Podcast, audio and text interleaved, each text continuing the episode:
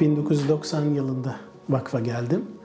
1990 yılında aslında abimin aznesini yazdığı bir mektupla vakfa kabul edildim. Ee, Aznes'in e, abimin kendisi için yazdığı mektuba sen artık yaşını başını almışsın, görüyorum ki de başarılısın. Ee, bize iki kardeşini gönder, ee, onlar gelsinler diye bir mektup, bir cevap veriyor. Onun üzerine e, geldim. Şırnak'tan, e, Türkiye'nin en uç noktasından buraya böyle 20-30 saati bulan bir otobüs yolculuğuyla geldim. 12 yaşındaydım ve ıı, okumak gibi bir derdim vardı. O yüzden çok mutluydum buraya gelirken. Ee, oldukça sağlıklı bir ailede büyüdüm. E, ailem, ailemizle de olan bağlarımız da çok güçlüdür ama yine de e, okuyabilmem için böyle bir bir fırsatın doğması gerekiyordu. O yüzden çok mutlu oldum buraya gelirken. Ee, Aznesini hiç görmemiştim, hmm, hiç bilmiyordum. Ee, 12 yaşında ortaokul birinci sınıftaydım. Ee, nasıl bir adam acaba falan diye böyle 2.80 boyunda falan bir adam hayal ediyorum ben. bir geldiğimde böyle kısacık bir adamla karşılaştım. Ee, ve işte o günden bu yana Nesin ailesinin, Nesin Vakfı ailesinin bir bireyi olarak e, yaşıyorum. E, 2001 yılında e, Güzel Sanatlar Fakültesi resim bölümünü bitirdim Marmara Üniversitesi'nde. E, daha sonra işte grafik tasarım, diğer sanat dallarıyla falan da uğraştım. E, ve ama bu aileyle e, burası ailemiz yani bir bir aslında burası Nesin Vakfı bir vakıftan bir yurttan çok büyükçe bir aile, çok çocuklu bir aile. Ben de bu ailenin işte Süleyman abisiyim şimdi. Ve bu aileden işte nasıl kopabilirsiniz ki? Bir insan aileden nasıl mezun olabilir ki? Yani ben de öyle mezun oldum 2001 yılında ama e, hep bir hafta sonu olsun da işten vakfa geleyim diye İstanbul'dan buraya kaçıyordum. E, gelir geldiğimde de işte hem daha küçük yaştaki çocuklar için ben neler yapabilirim diye uğraşıyordum falan. E, dolayısıyla hiç bağlarım kesilmedi. 2004 yılında Nesin Yayın Evi'nin kuruluşunda yer aldım. O zaman artık Aziz Nesin kitaplarını kendimiz basalım dedi Ali Bey, Ali abi. Ben de işte hem grafik eğitimi falan da aldığım için böyle bir alanda birlikte Nesin Yayın Evi'nin kuruluşunu gerçekleştirdik. 2008 yılında da yönetim kurulu üyeliğine seçildim. 2009 yılında burada büyük bir sel felaketi yaşadık. Yani yaklaşık olarak 2-3 milyonluk bir zararımız vardı o sırada. Çok ciddi bir sel felaketi yaşandı bu bölgede. Çok hızlı bir biçimde hem mezunlarımız hem vakıf gönüllülerimiz hem destekçilerimiz tarafından toparladık vakfı. O sırada Ali Bey şey dedi, ya dedi ben dedi çok yoruldum dedi. Babamın da bir hayali vardı. Vakıf çocukları burayı yönetsin istiyorum derdi. Ee, böyle Eznesinin doğum gününde üstelik de bu konuşmayı yapıyor. Bir Aralık günü böyle ben görevimi e, vakıf mezunlarından Süleyman'a devrediyorum dedi. Sizin hayır deme şansınız yok. Yani daha doğrusu sizin var ama benim yok. Ee, dolayısıyla bizim için tarihsel bir görev. Ve Nesin Vakfı'nın yöneticiliğini yapmaya başladım. 2009 aralığından bu yana e, bu yöneticiliği sürdürüyorum.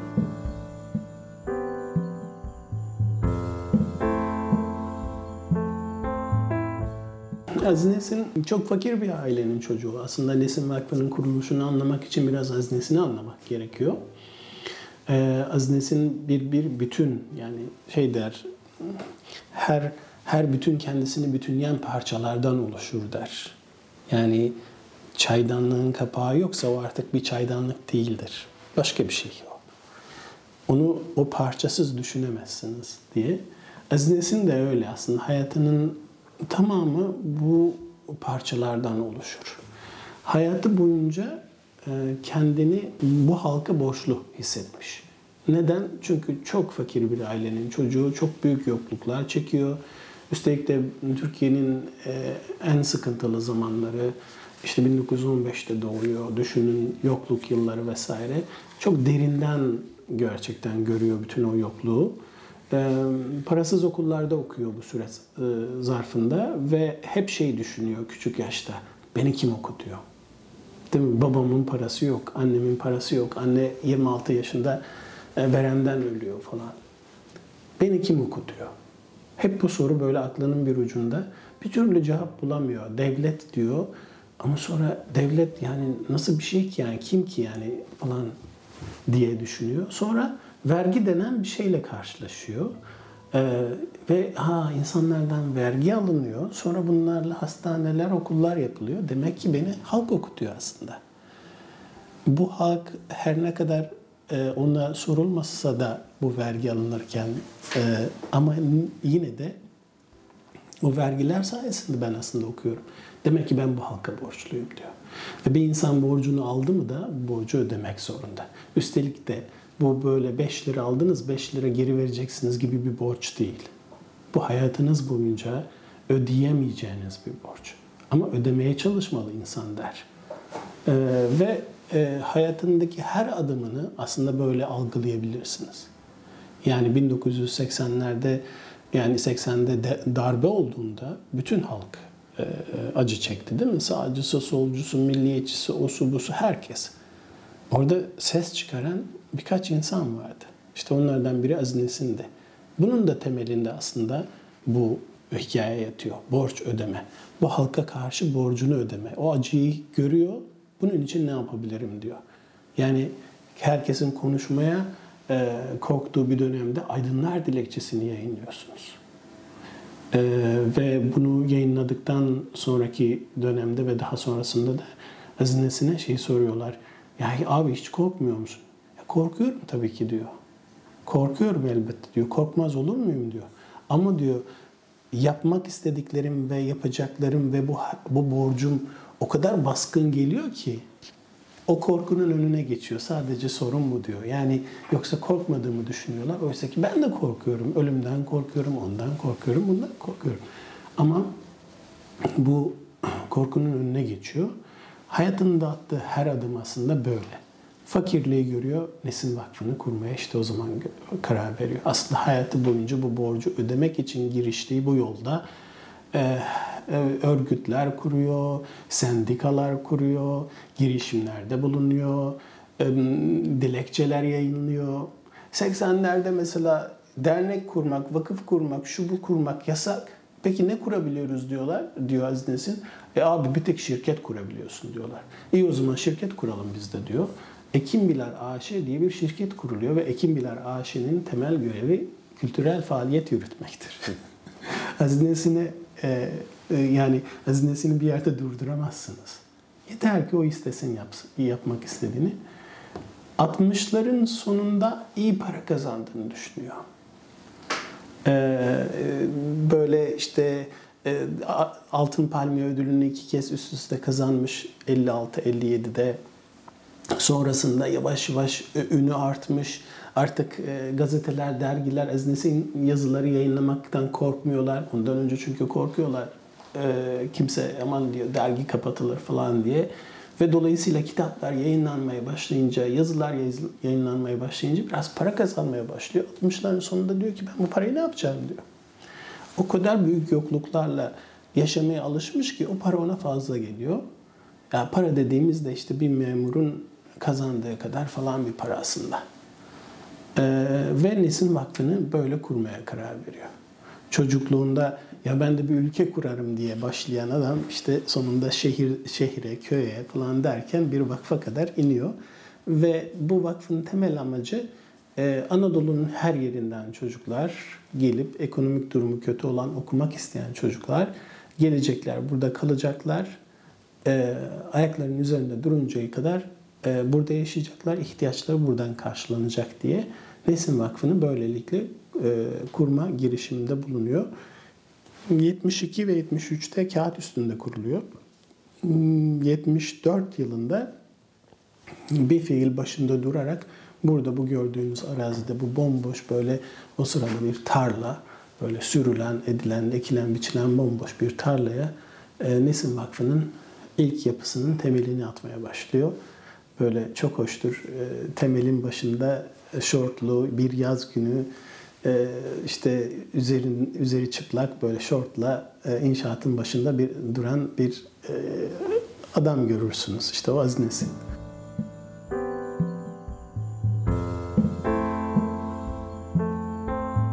Tan da o zaman genç bir mimar. E, aynı zamanda buranın belgeselini çekiyor. Elinde bir 35 milimetrelik kamerayla. Ve Tan Oral buranın e, Aziz Nesin'in hayalindeki gibi olması için elinden geleni yapıyor. E, böyle çok sıra dışı bir e, yapı oluşuyor burada.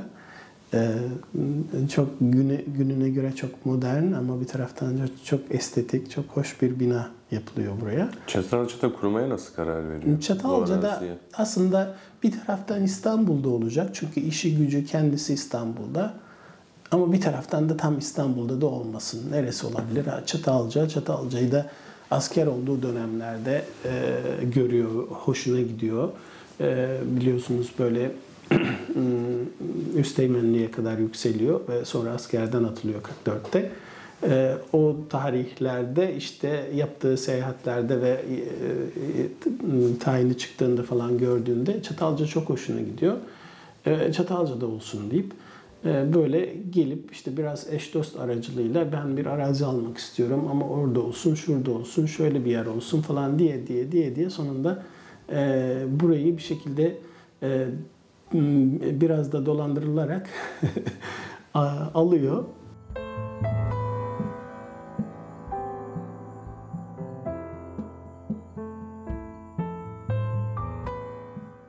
bütün amacı işte o hani oradan biraz para gelsin, buradaki telifim gelsin, yurt dışı teliflerine şey yapıyor. O zaman Doğu blok ülkelerinden telif bir para olarak almak mümkün değil? Bu komünist ülkelerden falan vermiyorlar. O, o da o yüzden habire oralara gezi düzenliyor.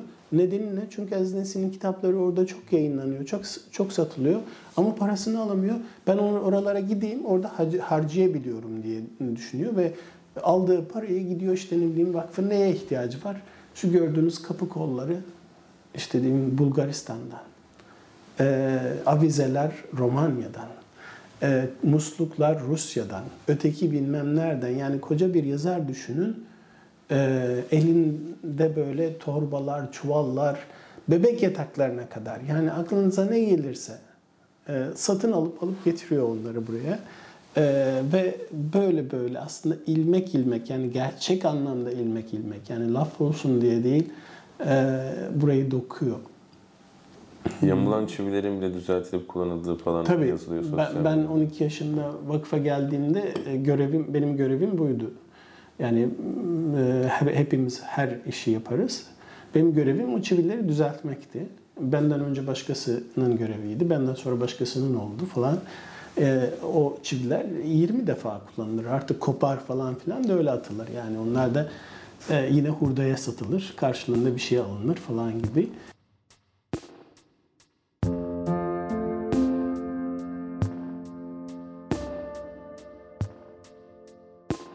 Altın Palmiye Ödülü 1956-57'de hazinesine verilmiş. Çok önemli İtalya'dan çok önemli ödüllerden bir tanesi. 1956'da e, Kazan Töreni adlı öyküsüyle kazanıyor. Sonra ertesi sene bu sefer Filhamdi öyküsüyle katılıyor ve iki kez üst üste kazanıyor.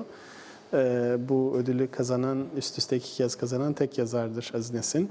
Bu ödülün e, bir tanesini görüyorsunuz. Ötekinin sadece fotoğrafı var. Çünkü Aziz Nesin gidip ödülünü alamıyor.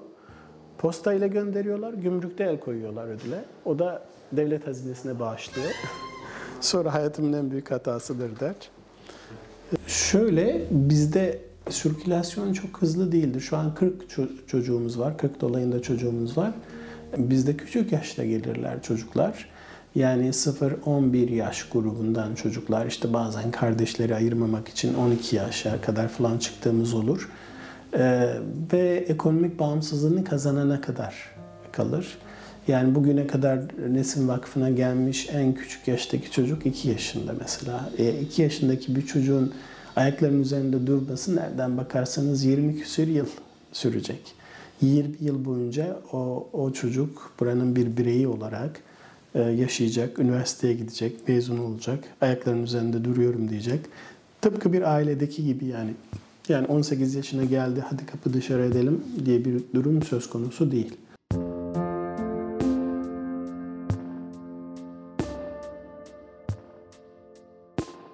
Üç yıldır buradayım. İstanbul'dan geldim. Şu an 8. sınıfım.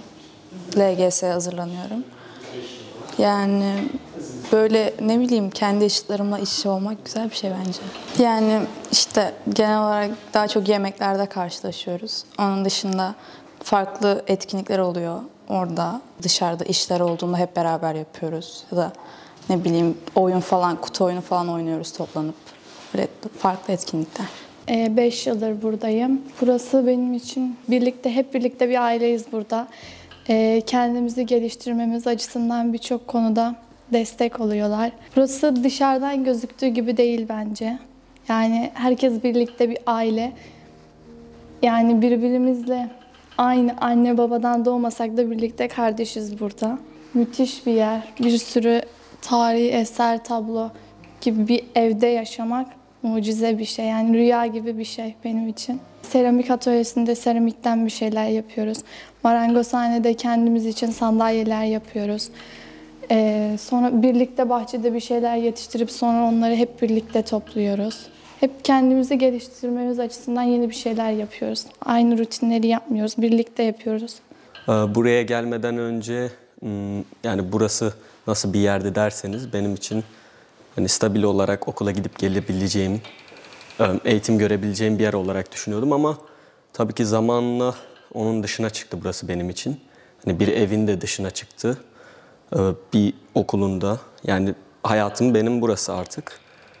Burada dışarıda olduğu gibi basit bir hayat yok, basit bir işleyiş yok. Hani herkesin iç içe yaşadığı çok e, toplumsal bir yer. Yani öğrenemediğimiz, yapamadığımız neredeyse hiçbir şey yok. Kim ne isterse yani. O alanda çok genişiz. Burası ile ilgili düşüncelerim de ya tabii ki yani 20 yaşına 30 yaşına gelince burası benim için bir şey olmayacak, bir anı olmayacak.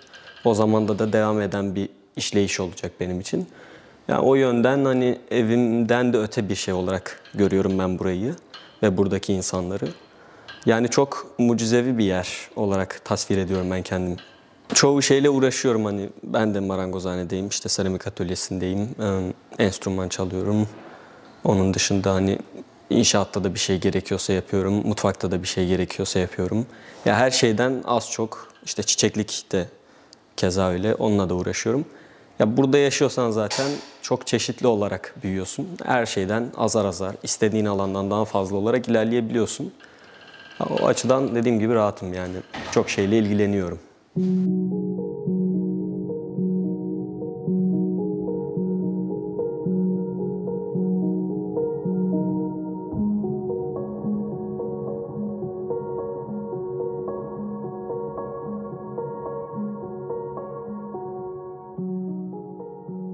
Ee, Aziz dedenin bize öğrettiği temel şeylerden bir tanesi hoşgörüydü. Ee, Aziz Nesin'in hayatı boyunca e, yani daha doğrusu vakıf yaşamı boyunca en azından öyle söyleyeyim size tek bir çocuğa burada tek bir çocuğa ne siyasi düşüncesi için ne dini düşüncesi için e, bir bir e, şey söylemde herhangi bir cümle kurmadı. Bunu da çok özel olarak e, vurgulardı. Buraya aldığım iş çalışanlarda bile buna çok özen göstermeye çalışıyorum derdi. E, onu en büyük korkum olur da kendi düşüncesini dayatmak olur birisinin diye. Aziz Nesin yaşarken bile böyle şeylerle karşılaşmadık, böyle tepkilerle karşılaşmadık gerçekten. E, bu arkadaşlar buraya yerleştikten sonra e, önce e, çevrede bazı söylemlerde bulundular ve bu bizim kulağımıza geldi. İşte Nesin Vakfı'na karşı orada duruyoruz, Nesin Vakfı'na karşı savaşıyoruz, bize destek olun falan şeklinde şeyler Özellikle duyduk. seçilmiş gibi zaten bir anda demezsin yanınızdaki araziyi tercih etmeli. Yani e, kendilerine ilk gün söylediğim şey şuydu. Yani ben sizden sonra gelmiş olsam ve böyle bir şey yapacak olsam ben sizi rahatsız ederim diye buraya kurmam. Sadece bu nedenden dolayı. Yani buraya kurmamak için tek neden zaten yeterli yani. Sadece sizi rahatsız et. Memlekette yer mi yok? Mümkün değil. Ee, böyle bir şey. Ama şimdi siz geliyorsunuz burada, bunu yapıyorsunuz. Eyvallah geldiniz. Bir sene, bir buçuk senedir de buradasınız. Size dair tek bir şikayetimiz şeyimiz olmadı. Yani e, sizin bizden yana bir şikayetiniz olmadı. Biz size karşı en ufak bir şey de yapmadık, saygısızlık da yapmadık. Ama şimdi bu olacak iş değil. Bu kabul edilir bir şey değil. Yani bu bu dine de sığmaz, imana da sığmaz, e, hukuka da sığmaz, insanlığa da sığmaz. Yani bu ayıp denen bir şey var. Yani babamın e, yine söylediği bir şey, ya bazen komşu dediğiniz akrabadan önce gelir. Çünkü sizin ilk yardımınıza koşacak olan odur diye. Dolayısıyla yani komşuluğun çok önemli olduğu hususunu da çok iyi biliyoruz. Yani bizim bütün komşularımızla ilişkilerimiz çok iyidir. Şimdi siz geliyorsunuz buraya. Yani sizin savunduğunuz düşünceye de sığmayacak bir e, hareket içinde bulunuyorsunuz.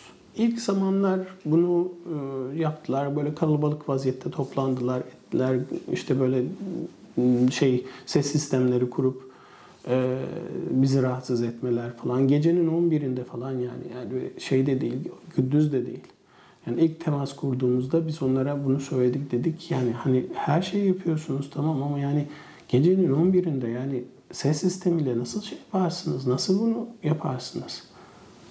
Yani e, ya kusura bakmayın dediler. İlk verdiği tepkiler de bunlardı yani. Kusura bakmayın dediler. Biz de herhalde bir daha bir şey olmayacak diye düşündük. Fakat sonra çevreden bu tür söylemler duymaya başladık.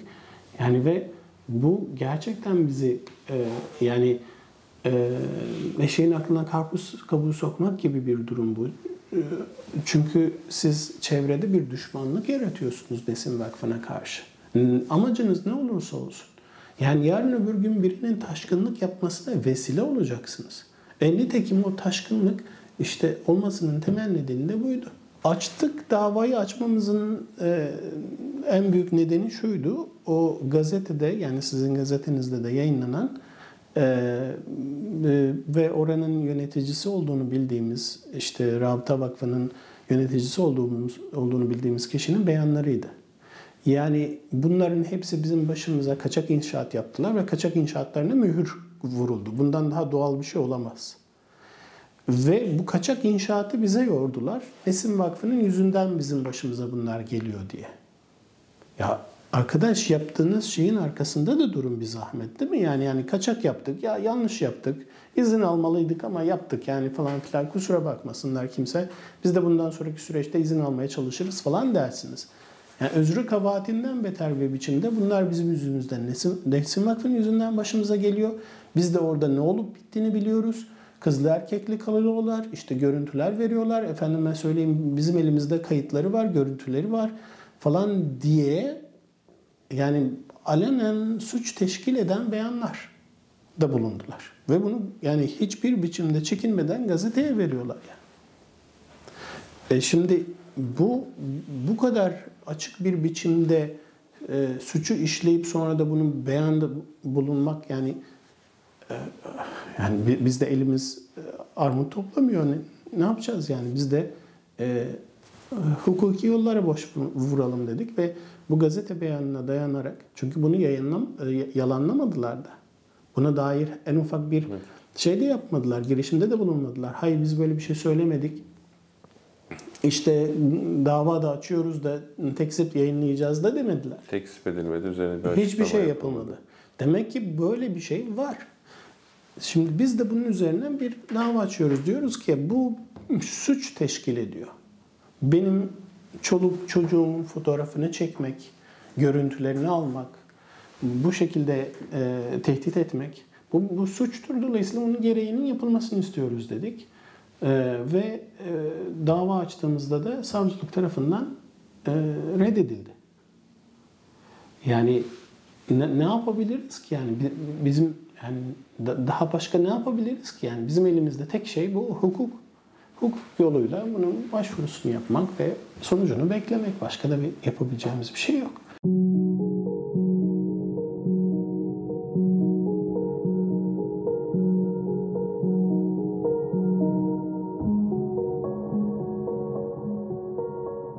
İşte giden ağaca mı üzülürsünüz? Yaptığımız emeğe mi üzülürsünüz? İnsanların böyle futursuz yaklaşımına mı üzülürsünüz? Yani biz e, bu müzeye gezdiğinizde şeyi göreceksiniz. Bir tane cam e, dolabın içinde bir tane sapan görürsünüz.